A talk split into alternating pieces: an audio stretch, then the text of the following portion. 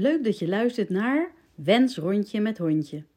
Voor alle moeders die een steuntje in de rug verdienen.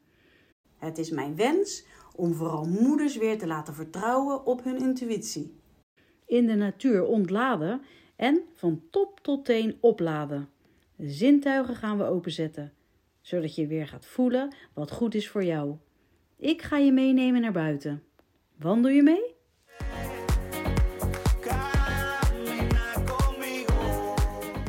Kanjerkracht. Dat vind ik de dingen neerzetten die jij leuk vindt of bij je passen. Iets uh, neerzetten van een project of ergens voor gaan om iemand te helpen. Eigenlijk waar je hartje sneller van gaat kloppen. Soms gaat het onbewust, maar hoe meer je er bewust van bent, des te makkelijker wordt het om keuzes te maken in die richting die jij op wilt. Daarvoor is het wel belangrijk om jezelf beter te leren kennen. In plaats van voor iedereen blijven rennen. En ik spreek uit ervaring, want het is bij mij nogal hardnekkig. Ja, in mijn geval is dat dat ik alles van de ander zo voel binnenkomen.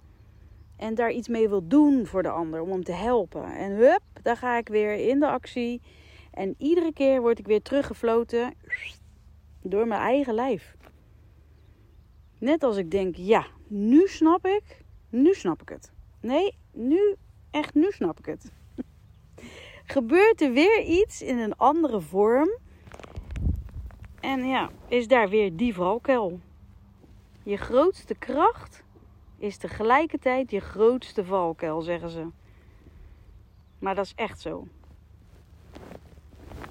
Daarom is het zo lastig om te blijven voelen wat jouw eigen kracht is als je daar de tijd niet voor neemt. Ik weet inmiddels als ik in ouder ben dat ik aan mezelf toekom en stappen kan zetten. Of juist geen stappen. En dan zijn het niet alleen stappen op het strand of langs de duinen, maar juist die stappen die ontstaan doordat je creativiteit weer gaat stromen. En de ideeën als vanzelf weer te horen en te voelen zijn. En dat is zo fijn. Hier kan ik schrijven, opnemen, creëren. En doordat het hier zo goed lukt, denk ik ook wel eens vaker dan ooit. Tegenwoordig dus steeds vaker. Oh, ik wil hier eigenlijk blijven. Ik wil hier eigenlijk blijven wonen, zelfs. En tegelijkertijd weet ik ook wel dat het niet te doen is en uh, dat ik heel veel van thuis zou gaan missen. En waarschijnlijk zelfs een eenzaam gevoel krijg. En daarbij wil ik dan natuurlijk mijn hele gezin bij elkaar houden. Nou, daar wordt het lastig. Want die willen natuurlijk in hun vertrouwde omgeving blijven. En dat is ook weer logisch. En het is ook logisch dat ik zo graag een ouder wil zijn met die fijne rust, ruimte. En dat ik daar dan naar verlang. Omdat we gewoon een heel druk huishouden hebben. En zeker in coronatijd. Nou, het is allemaal goed gegaan natuurlijk. Daar heb ik ook mijn best voor gedaan. Misschien is het daarom juist wel dat ik er extra naar verlang. Het is natuurlijk gewoon steeds full house. En dat geeft niet, daar geniet ik ook van. Maar ik merk wel dat ik bewuster de oplaadmomenten nodig heb en opzoek. En waar ik eerst dacht dat het alleen het mee naar Oudop aan Zee kon, lukt het ook eigenlijk wel steeds beter thuis. Uh, plekjes te vinden, bijvoorbeeld aan de Zevenhuizenplas. Kijken naar de mogelijkheden, dat is natuurlijk ook wel belangrijk. Wat is mogelijk? Niet alleen maar van ik wil dit eh, en dat het niet uh, te realiseren is, maar wat kan wel? En ja, daar kom ik wel veel bekende en onbekende tegen waar ik dan naar groet. Nou ja, en als dat dan te horen is in de podcast, ja, dat maakt het eigenlijk alleen maar menselijker, toch? Bij mij hoeft niet alles perfect te zijn. Wel heb ik een betere voorbereiding en een focus op dat waar ik naartoe wil of wat ik wil neerzetten. Dus ik ben doelgerichter en daardoor sneller terug bij waar ik gebleven was. In plaats mij verliezen in de dag of aanpassen aan wat er zich weer aandient. Dit merkt vooral mijn gezin. Dat zij wel eens moeten wachten of het zelf op moeten lossen.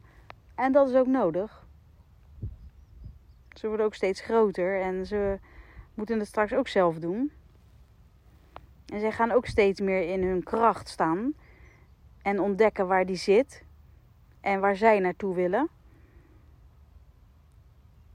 Daarom heb ik ook wel eens mijn twijfels over familiebedrijven overnemen.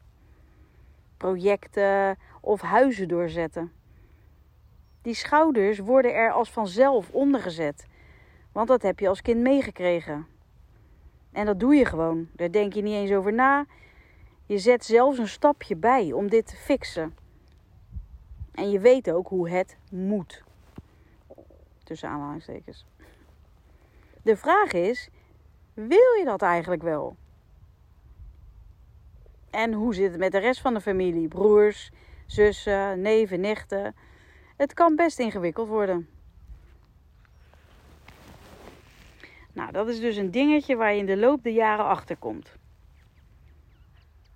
Het is natuurlijk voor je ouders, of grootouders, overgrootouders, ontstaan. Vanuit hun eigen kracht. Vanuit hun eigen kracht.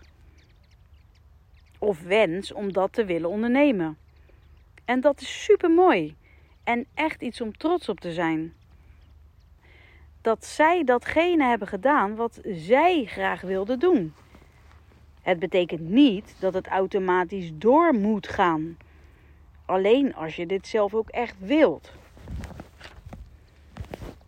En dan gaat het nog niet vanzelf, hè? Inzet, hard werken, heb je daarvoor nodig. En vooral doorzettingsvermogen. Ook het vermogen om te blijven overzien. Zeker met meerdere partijen. En het laten. En het vooral. En het gedeelte eventueel loslaten.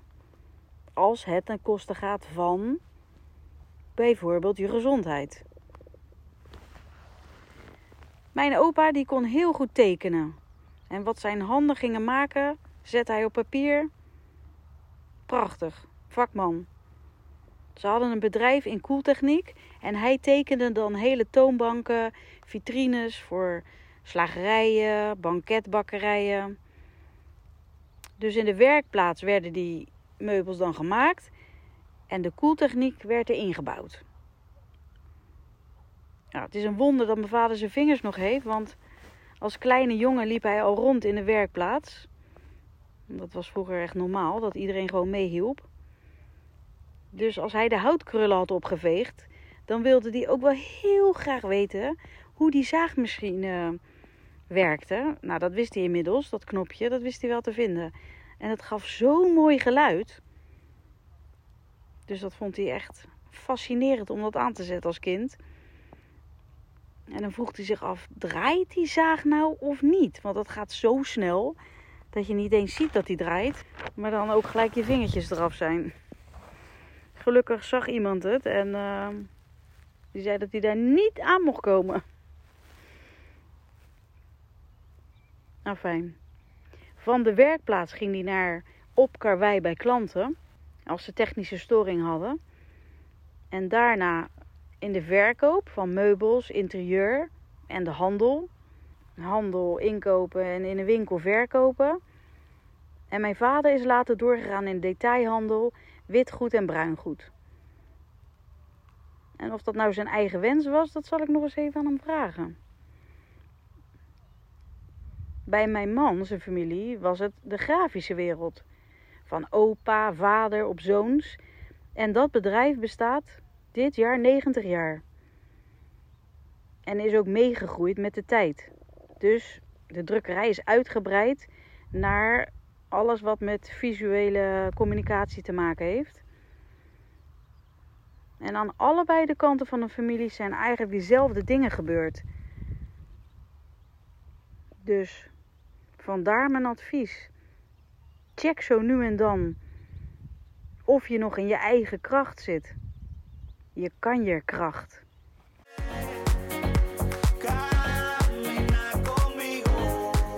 Allereerst super bedankt dat je naar deze podcast luisterde. Ik hoop je wakker te schudden om altijd te blijven vertrouwen op je eigen intuïtie. Juist in deze snelle wereld is het zo belangrijk om te blijven voelen. En wil je mij blijven volgen? Abonneer je dan op mijn podcast. Wens rondje met hondje. Gewoon even klikken op abonneren.